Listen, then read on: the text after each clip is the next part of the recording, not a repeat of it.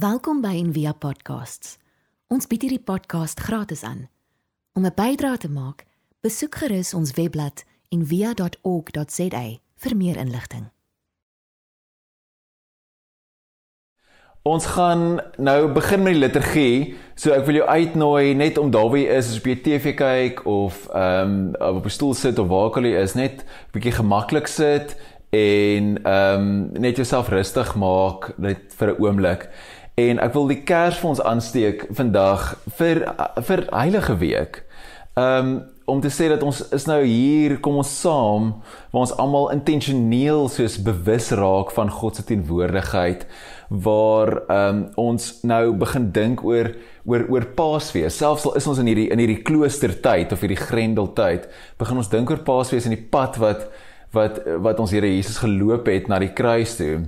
En so hierso rek ons nou vanaand ons nekke om die optog te sien van die man op die donkie en oor 'n paar dae op Vrydag buig ons weer daai selfde koppe wanneer Jesus verbykom met die kruis en ons het 'n hele lent saam gereis met Jesus tot hierso en ons bid obviously vir die moed om soos end uit te stap. Aan die een kant hou ons 'n palmtak vas en aan die ander kant weet ons eie ons eie gebroke gebroke harte. So ek wil die kers aansteek vir dit, net vir hierdie reis wat ons op is in die laaste tyd. Ehm um, en vir en vir julle almal, vir almal wat sit by hulle huise.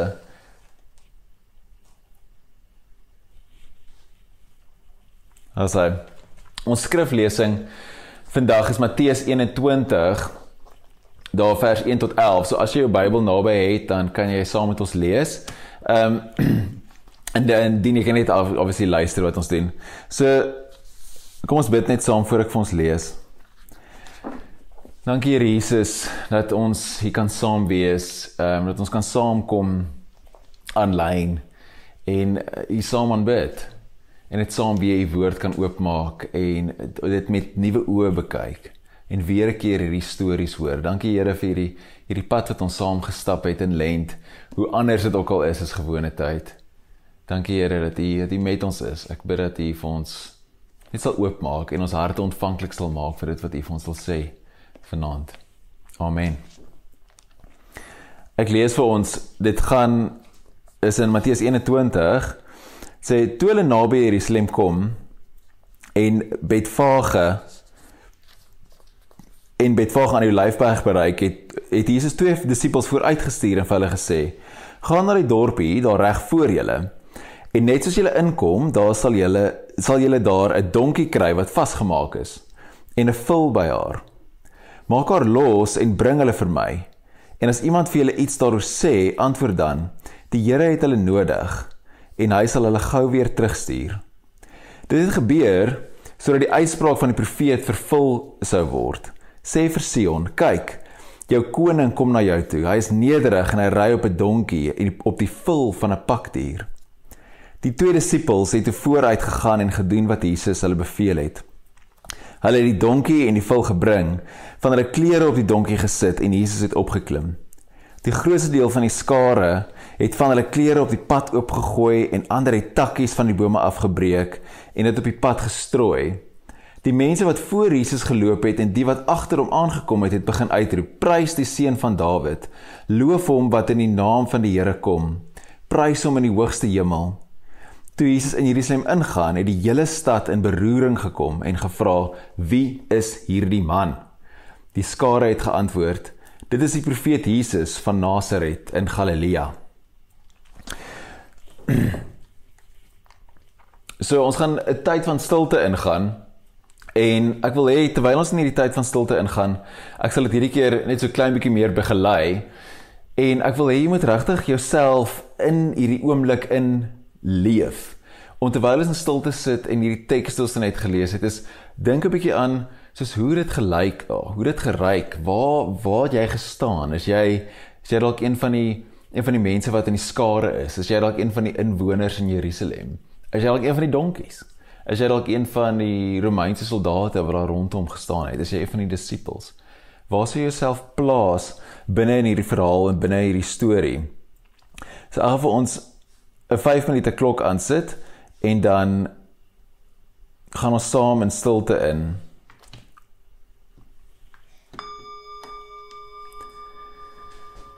So maak dit jou oë toe en haal ehm um, so 'n paar keer diep asem.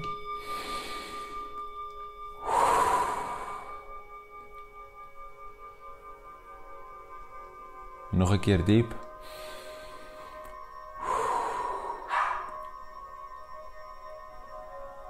En terwyl ons so saam sit, kyk of jy die prentjie van Jesus wat inkom by Jerusalem kan oproep in jou verbeelding. Jy sien hoe kom hy deur die hek? Ry hy op 'n donkie? Die palmtakke wat mense wyf. Die hosannas wat geskree word en uitgeroep word. Dalk staan jy so half bietjie agter 'n klomp mense en jy staan op jou tone en probeer jou nek rek om te sien wat gaan nie aan.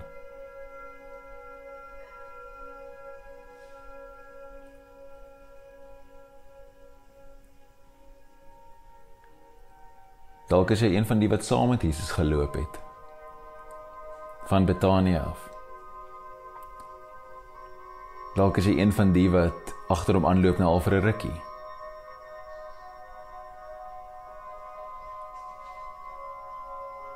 En jy sien jy het die wonderwerke gesien.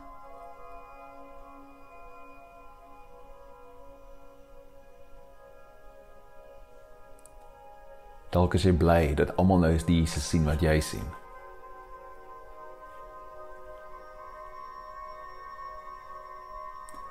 dalk as jy deur mekaar een van die inwoners en weet nie wie hierdie man is nie.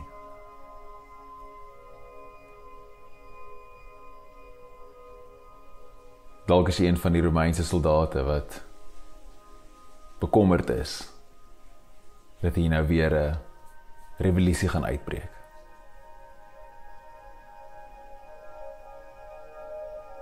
staan net vir 'n rukkie so in die skare en loop saam met Jesus.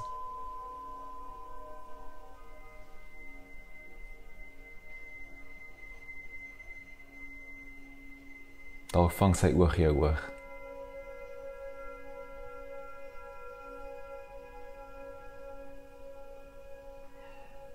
Dalk vra iemand langs jou vir jou. Wie is hierdie man?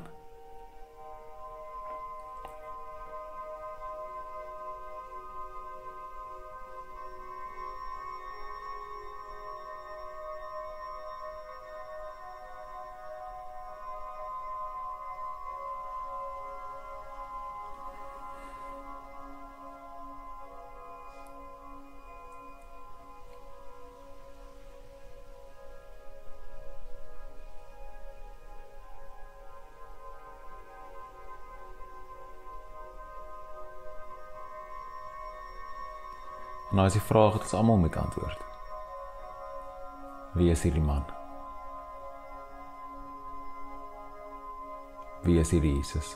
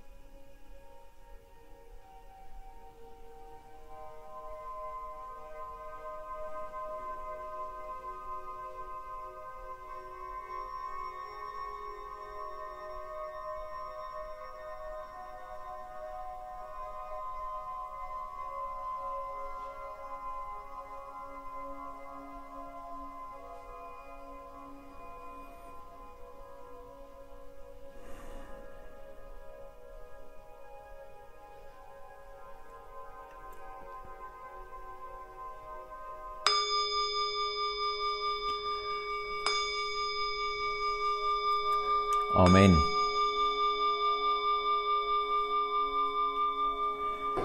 Ons gaan ek wil vir ons 'n lied se woorde net lees. Dis 'n lied wat ons gereeld by Envia sing. Uh, ongelukkig sing ek nie so mooi soos Frida nie, so ons kan nie vir ons sing nie. Dis 'n lied met eeue oue woorde en dit gaan daaroor om God in alles te kan sien. En veral in die in die nederige dinge, in die amper niks dinge soos 'n donkie of die die besem wat jou huis mee skoon maak. Daar's niks wat te klein is dat God jou oë nie meer dit kan oopmaak nie. So in die lesie is dat ons dat dat alles mag 'n deel hê in Christus. So elke liewe dingetjie, hoe ordinêr dit ook al is. Goed wat nie spiritual lyk like nie. As wanneer dit aan God raak, dan word dit heilig. Die woorde gaan so: Teach me, my God and King, in all things thee to see, and what I do in anything, to do it as for thee. A man that looks on glass, on it may stay his eye, or if he pleases through it pass, then heaven espy. All may of thee partake, nothing can be so mean, which with this tincture for thy sake will not grow bright and clean. A servant with this clause makes drudgery divine, who sweeps a room as for thy laws, makes that and the action fine. This is the famous stone that turns all to gold, for that which God doth touch and own cannot for less be told. Teach me, my God and King, in all things thee to see. Teach me, my God and King, in all things thee to see. George Herbert in die 1500s. Ons kan vandag hierdie hierdie woorde, hierdie woorde is so striking en as een die tweede strofe is vir my besonder mooi en dit lees dit sê a man that looks on glass on it may stay his eye. So met ander woorde, jy kyk na glas, na 'n ruit, na 'n venster en baie keer dan kyk jy in die glas vas in plaas daarvan om deur die glas te kyk. Die res van die strofe sê, or if he pleases through it pass, then heaven espy. En wat die lied ons leer is om te sê dat jy kan deur iets kyk en God sien, deur enige iets kyk en God sien. En die skrif, die woord wat ons het, is ook is ook dit om deur dit te kyk en God raak te sien.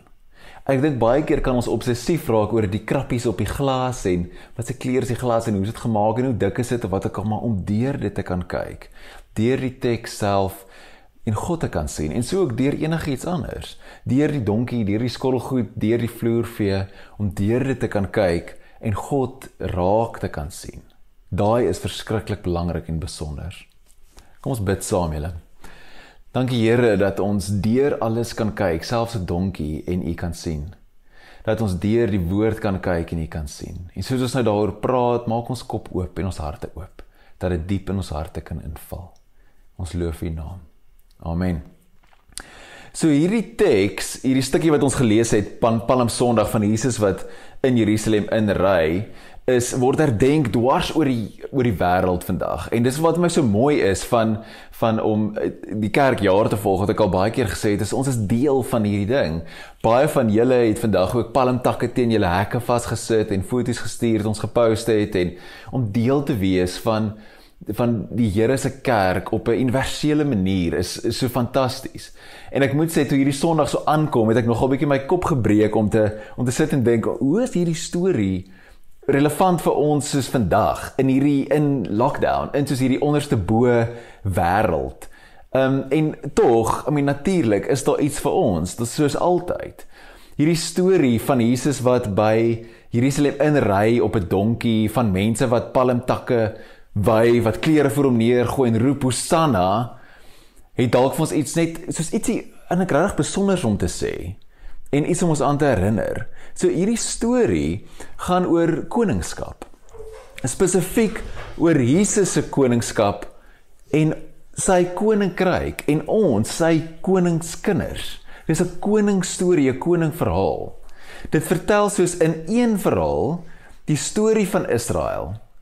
die storie van Israel se God en hoe daardie God koning geword het oor die hele hele skepping. En dan wat ons werk nou as kerk is. Dis waaroor ek waaroor ek vandag met julle wil praat. Die koningskap en die koninkryk van God en hoekom hierdie weird idee vir ons saak maak waar ons nou onsself bevind. So hierdie storie, hierdie teks is vol van hierdie soos ryk beelde. En dis sulke la en la en la metafore en verwysings na die Ou Testament profeseë en donkies en allerlei strange goeders. So Jesus ry in Jerusalem in op 'n donkie. En nou Matteus is weird. Hy's anders as die ander. Hier is een van die van die min stories wat eintlik in al vier evangelies evangelies is. Hy Matteus noem spesifiek dat daar twee donkies is. Ek weet nie of jy het opgelet het nie. Daar twee donkies is, 'n filletjie en sy ma. Nou die die kommentators en mense sal sê dat die rede vir dit is is dat filletjies baie keer saam met hulle ma's ingespan en dat hulle saam met hulle ma's werk. En dan maar die die myn rede hoekom Matteus dit noem is hy hy wil sê Jesus vervul die teks in Sagaria presies net so. Hy wil sê hierdie is presies die storie van die Ou Testament, hierdie lang storie wat nou al so lank duisende jare pad kom. Dis presies hierdie storie. En in Sagaria is daar twee donkies. Of praat oor 'n hingsvul en 'n hingsvul is altyd saam met 'n ma. So ek het vir ons die teks uit Sagaria lees dat jy dit ook net kan in jou ag in jou kop kan hê want dit kleur eintlik 'n hele prentjie net soveel meer in. Dit sê Sagaria nou en dan van vers 9 af. Dit sê jubel Sion, juig Jerusalem, jou koning sal na jou toe kom. Hy is regverdig en 'n oorwinnaar. Hy is nederig en hy ry op 'n donkie, op die hingsvul van 'n donkie. En dan sê die teks wat hierdie koning gaan doen. En dit kleur eintlik Jesus se prentjie ook nog meer in. Dit sê ek sal die strydwaans in Efraim vernietig, die perde uit Jerusalem uitroei. En soms is hoekom wil jy al die perde doodmaak? Wel, perde was 'n oorlogsimplement. Dit was soos om te sê 'n tank. So die perde uit Jerusalem uitroei. Die pyl en die boog waarmee oorlog gemaak word, sal gebreek word. Die koning sal vrede vir die nasies afkondig en hy sal regeer van see tot see, van die Eufraat tot by die uithoeke van die aarde. En hierdie is Matteus se hele missie. Hierdie hele jaar lees ons Matteus en hierdie is Matteus se hele missie. Hy wil wys vir sy Joodse gehoor dat Jesus die Messias is. Dat hy die gesalfde een is wat Israel kom red, dat hy koning is. So hierdie tema is dis oral oor in Matteus as jy dit lees. Jesus is gelyk aan koning van die Jode. Die seun van Dawid, die een wat Israel kom verlos, die Messias. Die aan die heel begin van Matteus lees ons hierdie storie al, hierdie punt van hom. Matteus begin met 'n geslagsregister wat Jesus uit die koninklike stam van Dawid vasmaak en nog verder teruggaan tot by Abraham die patriarg om te sê maar hierdie is die volgende stap. Matteus doen 'n interessante ding. Hy hy pause en ek net in sy geslagsregister twee keer by Dawid en dan later by die ballingskap. En dan maak hy 'n nota en sê daar was 14 geslagte tot by Dawid, 14 geslagte tot by die ballingskap en dan 14 geslagte tot by Jesus. Nou hier is weird 14 14 14. So van die kommentators sê dat 14 is is 2 maal 7 so dis perfek, maar 'n ander verduideliking is nommers. Matteus hou van nommers. Hy speel eintlik die hele tyd met nommers in die evangelie en hy sê dat Matteus die woord Dawid beteken is gelyk aan 14. As jy dit numeries voorstel in Hebreëus, DVD, is dit gelyk aan 14. So dit sê koning koning koning 14 14 14 drie keer koning. Die nommer 3 in Joodse thought gaan oor oor harmonie oor oor eenheid oor oor oor perfeksie so koning soos Dawid so hy maak hier Matteus maak hierdie punt. Hy sê Jesus is 'n koning soos Dawid en hy stop ook by die ballingskap. En die ballingskap is hierdie weird ding van die storie van die Ou Testament is nog nie klaar nie. Dit het nog nie geëindig nie. En hierdie storie gaan nou aan en kom eintlik soos tot 'n klimaks. So die evangelies vertel hoe God koning geword het. Dis die punt daarvan. Hierdie idee is belangrik om te onthou wanneer ons die, al die evangelies lees. Die en ons as my sou sit en vra vir almal sien nou maar by 'n kerkdiens of 'n Bybelstudie wat ek al aan sê, waar gaan die evangelies? Wat is die punt? Dan sal mense baie keer antwoord, "O, dis om te sê hoe ons in die hemel moet inkom." Of dis om te sê dat Jesus was regtig nice. Weet, so hy was 'n goeie mens gewees. En ehm um, so N.T. Wright wat ook baie oor skryf oor God se koningskap, sê dat weet die evangelies gaan nie oor om te wys Jesus nice was nie en hy praat van Jesus as the ultimate social worker nice to old ladies stray dogs and small children dat Jesus was soos hierdie ek praat altyd van die, die spur Jesus wat soos nice genoeg is om na jou kinders te kyk en die dit is die evangelies gaan nie daaroor nie. Om nie te wys dat Jesus hierdie moral exemplar was nie. En dit gaan ook nie daaroor net oor Jesus se teaching nie dat hy hierdie wysheidsleraar was nie. Dis meer as dit. Die evangelies gaan daaroor om te wys dat Jesus God se koninkryk kom aankondig het en dit kom volbring het. Dat dit die storie van die evangelies is, hoe God uiteindelik sy koninkryk kom finaal vestig het deur Jesus. En daai, dis is Jesus se hooftema. As Jesus 'n T-shirt sou dra, sou daarop staan die koninkryk is hier. Reg? Hy sê dit die hele tyd. Hy sê die koninkryk is hier, dis tussen jou, dis om jou, dis oral, dis hier, dis nou, die koninkryk het gekom. Hy sê dit die hele hele tyd. So Matteus wil hierdie wys vir sy gehoor. Hy wil vir hulle sê Jesus is die Messias. Dis die volbringing van die Ou Testament, die koning wat Israel voorwag, die klimaks van hierdie hele hele storie. Alles kom hier bymekaar. So van die begin af vertel hy van hierdie koningskap, die sterrekykers wat vir Herodes kom vra oor, maar waar is die nuwe koning? Tel daai storie, dis ook in Matteus. Waar is die nuwe koning? En Matteus 2 vers 3 en dan dis so interessant, dit sê die teks lees toe koning Herodes hiervan hoor, was hy en die Here Jerusalem, die Here Jerusalem, die hele Jerusalem saam met hom ewig ontsteld. Net dit sê teks sê die stad het geroer toe hulle dit hoor want daar's 'n nuwe koning. En nou wat so interessant is in hierdie storie wat ons nou net gelees het, dan sê dit 21 vers 10 sê toe Jesus in Jerusalem ingaan, het die hele stad in beroering gekom. Die woorde beteken iets so sidder, soos om te vibreer en gevra wie is hierdie man? So jy het hierdie twee by sy geboorte en by die intog gebeur dieselfde ding. So wat ons net moet verstaan van hierdie verhaal, as jy hierdie hele toneel wat ek nou probeer jou help het om net te verbeel. Is daar dus twee dinge. Jy moet verstaan dat die mense wat in daai stad was, was onderdrukte mense. En hulle het 'n 'n revolusie leier verwag. Iemand wat die Romeine gaan kom uitsmyt. Iemand wat hulle gaan kom red van daai verdrukking. Want hulle was nog eintlik nog steeds in ballingskap op 'n manier. Dit het eintlik nog nie heeltemal geëindig nie. Hulle het gewag vir 'n revolusie leier, 'n politieke leier wat hulle gaan kom vrymaak. En dat die wat die Ou Testament stories en die profeseë van God wat Israel weer bo laat uitkom sal kom waarmaak. En dan tweedens, dit was Pasga tyd. So Pasga, ons het nou net eintlik daai die beautiful ding op Netflix gekyk, daai unorthodox. Dis regtig amazing as jy dit nog nie gekyk het nie. En daar binne hou hulle ook Pasga en dan vertel hulle die storie van die Exodus om te sê dat in Pasga is dis soos dis soos Independence Day in Amerika, 4th of July, right? Of 27 April, Vryheidsdag vir ons. En of soos 14 Julie, ehm um, Bastilledag in Frankryk. Dis die dag van van vryheid, van onafhanklikheid. Dis waar daai dag gaan. So dis in hierdie tyd en as jy in Jerusalem gebly het, dan sou daar Jerusalem met so 25 20 25000 mense gehad wat daar gebly het. En tydens die Pasga het dit geswel van die mense reken tot by 80000 of 100000 mense. So 5 keer meer mense, 4 5 keer meer mense wat daar kom bly het.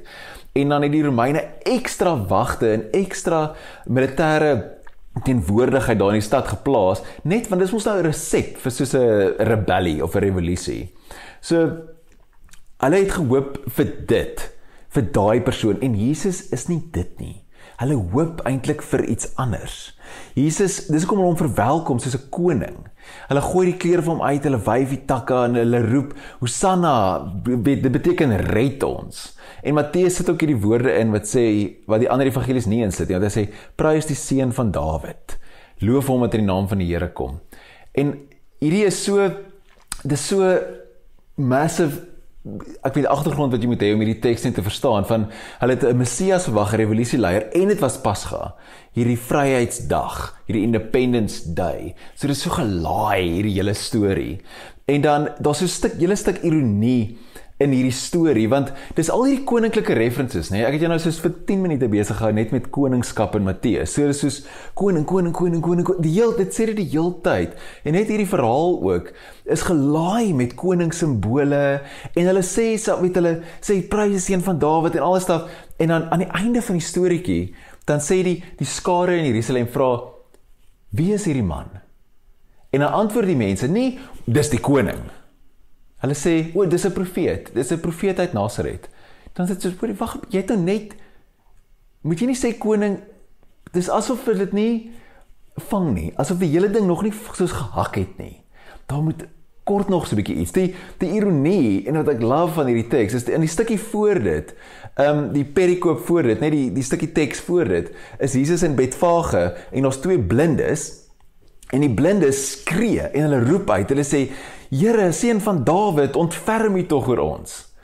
So die blindes erken vir Jesus as seun van Dawid. Die blindes sien hy's koning. Wanneer die blindes vir hom wanneer hy vir hulle vra wat kan ek vir julle doen, dan antwoord hulle en hulle sê: "Here, laat ons oë oopgaan." Maar die ironie, die die hele teks is so geskryf, die ironie is, hulle oë is reeds oop. Hulle sien Jesus reeds as koning, maar die hele Jerusalem, die Fariseërs, die leiers, Pilatus, selfs sy eie disippels erken hom nie as koning nie. Want hy pas nie in hulle prentjie nie. Hy kom nederig op 'n donkie, nie op 'n wit hings nie op 'n pakdier wat alledaagse mense gebruik. Nie op nie op 'n strydwa nie. Hy neem die gestalte in van soos 'n dienende koning, 'n herder koning. En dis nie wat ons wil hê nie. Ons soek 'n redder op 'n wit perd met 'n swaard. Dis wat ons wil hê. En dit laat my baie dink, ek en Rialet praat daaroor in die week van wat is ons verwagting van hierdie hele lockdown tyd, van die hele corona epidemie? Hoe dink ons gaan hierdie eindig? Wat verwag ons? verwag ons hierdie wondervaksin wat ehm um, Morgan Freeman vir almal gaan maak en vinnig distribueer en Matt Damon kom gee vir ons almal inspuitings. Verwag ons hierdie redder? Verwag ons dat iemand gaan opdaag en vir almal cash uitdeel of wat is die wat verwag ons?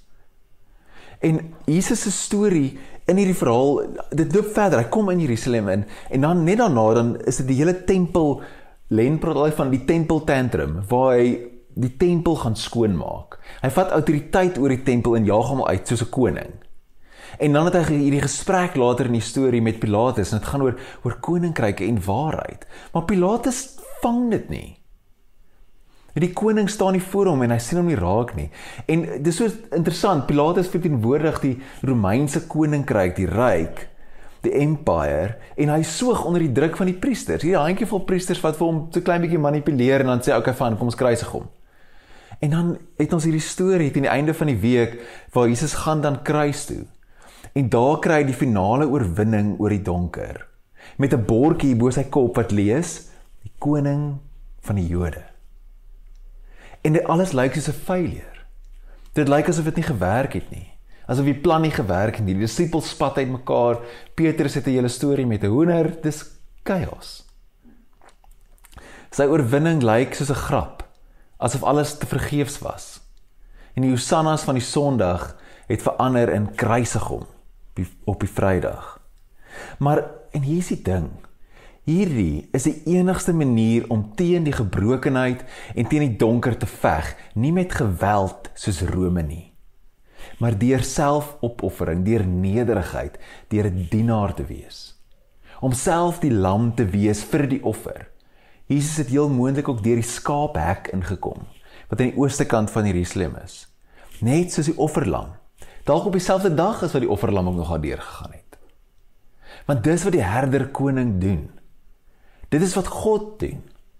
Hy lê sy lewe neer vir sy skape, vir sy vriende. Hy betaal die prys. Hy kom maak finaal klaar met die dood. Nie net die Romeine nie, nie die keiser nie, nie die priesters nie, die ware vyand van die mensdom, die dood self. En Jesus se hele lewe kondig die koms van die koninkryk van God aan, 'n koninkryk van vrede, van hoop, van geliefde, van genade. Maar sy sy dood en sy opstanding maak daai hele ding vas. Dit sê dat wat hy gesê het die heeltyd is die waarheid. Dat hy gesê het die koninkryk is hier is die waarheid. Dat hy gesê het jy by my kry jy die lewe en dit in oorvloed is die waarheid. Dis wat sy dood en sy opstanding sê. Na sy opstanding in die Matteus verhaal sien ons Jesus as koning, God as koning. En dan sê hy vir sy disippels in Matteus 28: "Alle autoriteit is aan my gegee in die hemel en die aarde." Hy is koning oor die skepping en die dood is oorwin. En die dood word oorwin deur sacrifice. Deur gebrokenheid, deur swakheid. Dis die enigste manier om die siklus van geweld te stop. Iemand moet sê, soos Jesus in die tuin vir Petrus gesê het, toe Petrus sy swaard uitruk om die om die slaaf se oor en slaaf se oor afgekap het, het Jesus gesê genoeg. Ek hou van die Engels, enough of this. Dis nie die pad nie. Maar nou wat nou? Wat beteken hierdie nou vir my en jou? Hierdie storie van hierdie van Jesus wat koning geword het. Dit is 'n vreemde weird storie wat 2000 jaar terug gebeur het en dis moeilik om te verstaan wat beteken dit nou. So hierdie storie van Jesus wat koning geword, God het koning geword, die Ou Testament verhaal wat tot 'n hoogtepunt gekom het. God het 'n groep mense gekies om sy profete te wees, om 'n lig te wees vir die nasies. Koninklike priesterdom. En dis wat ons is. Jesus gaan verder dan Matteus 28. Hy sê alle mag is aan my gegee, alle autoriteit is aan my gegee en nou gee ek dit vir julle. En julle moet gaan en disippels maak en mense gaan vertel en leer wat Jesus geleer het. En hulle vertel hoe hierdie koninkryk werk. En vir hulle vertel dat hierdie is nie 'n koninkryk net vir een groepie mense nie, net vir die Jode nie of net vir almal wat kerk toe gaan nie. Dis vir almal. Dis wat die sterrekykers beteken heel in die begin van die storie. Die heidene, die pagans, die buitestanders. Dis wat Jesus se hele bediening is. Hy sê, "Kyk hoe lyk die koninkryk? Dis 'n tafel vol mense wat almal anders is." Jesus se koninkryk gaan oor vergifnis, gaan oor genade, gaan oor insluit en nie uitsluit nie. En ons is onderdane in sy koninkryk. Ons is koningskinders. En dit klink nogal lekker om 'n koningskind te wees. Ek kan dink dit sal lekker wees om nou lockdown te wees in 'n paleis. Konings koningskryk mense. Ons is burgers van die hemelse koninkryk sê Paulus. En uitgestuur om konings koninkryk waardes nie te bring. En dit klink so great en so mooi, maar hier's die kikker. Ons is ook kruiskinders. Ons dra ook kruise. Jesus het ook gesê as jy agter my aanloop, moet jy jou kruis opneem. Jy moet ook sterf in jouself. Ons moet ook deur die skaaphek gaan. Ons moet ook die Via della Rosa stap na die kruis toe. Ons moet ook doodgaan in onsself. Maar daarom dra Jesus die kruis saam met ons. Daarom is hy al eerste deur dit. Maar daai is ook ons pad. Matteus vertel ook dat Matteus 5 hy sê dat die koninkryk word gevestig nie deur mense op wit perde nie en mense wat krag en mag het nie maar deur mense wat sagmoedig is mense wat honger en dors het die wat vervolg word die wat se harte gebreek is die wat swaar kry die wat laaste staan die wat dien die wat glase water uitdeel vir die wat dors is die wat mense klere gee as hulle kaal is. Daai is die koninkryksmense die mense op die grond nie die mense in die paleise nie. Jesus se mense is koningskryk mense maar ook kruismense dienende mense. En dis in ons kruise in ons in ons gebrokenheid waar God sigbaar is waar hy jy sigbaar word vir die wêreld. En ek dink in 'n tyd soos hierdie is dit so so belangrik 'n tyd waar 'n wêreld in angs is en warboel is waar besighede sluit waar mense afgedank word waar mense siek word waar mense doodgaan wat 'n beter tyd is daar nie nou om kruismense te wees nie om koninkrykskinders te wees nie om saam met mense te wees in hulle gebrokenheid, in hulle seer. Ons is die liggaam van Christus. Gebroke aan 'n kruis, uitgegiet en gebroke vir 'n wêreld wat honger en dors is. Maar die verskil is, ons ken die einde van die storie. Ons weet dat daar 'n Sondag is. Ons weet dat Jesus gaan opstaan. Ons weet dat daar 'n nuwe môre is, 'n nuwe lewe. Dat daar lig is na die donker. Ons het hoop. En meer as dit, ons het 'n wete. En nou kan ons mense saamneem na God se nuwe wêreld toe. Saam in sy koninkryk in.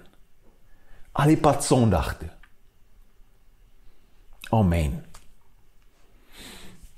Ek wil net om mee af te sluit vir ons 'n uh, Sheila Cousins gedig lees. Ek dink nie en wie as hulle weer lees sonder 'n Sheila Cousins gedig nie. En is so mooi en dit kan ons gebed wees om jy af te sluit. Die ehm um, gebed se naam is my dank na die mis. Heer, ek glo in U. Versterk my geloof. Ek vertrou op U. Versterk my vertroue. Ek bemin U. Laat ek U nog meer bemin. Ek is spyt oor my sondes. Verskerp my spyt. Ek aanbid U as my eerste begin. Ek verlang na U as my laaste einde. Ek loof U as my gedurende hulp. Ek roep U aan as my liefdevolle beskermer. Laat U wysheid my lei. Korrigeer my met U regverdigheid. Vertroos my met U genade. Beskerm my met U mag. Ek gee U my gedagtes, Heer.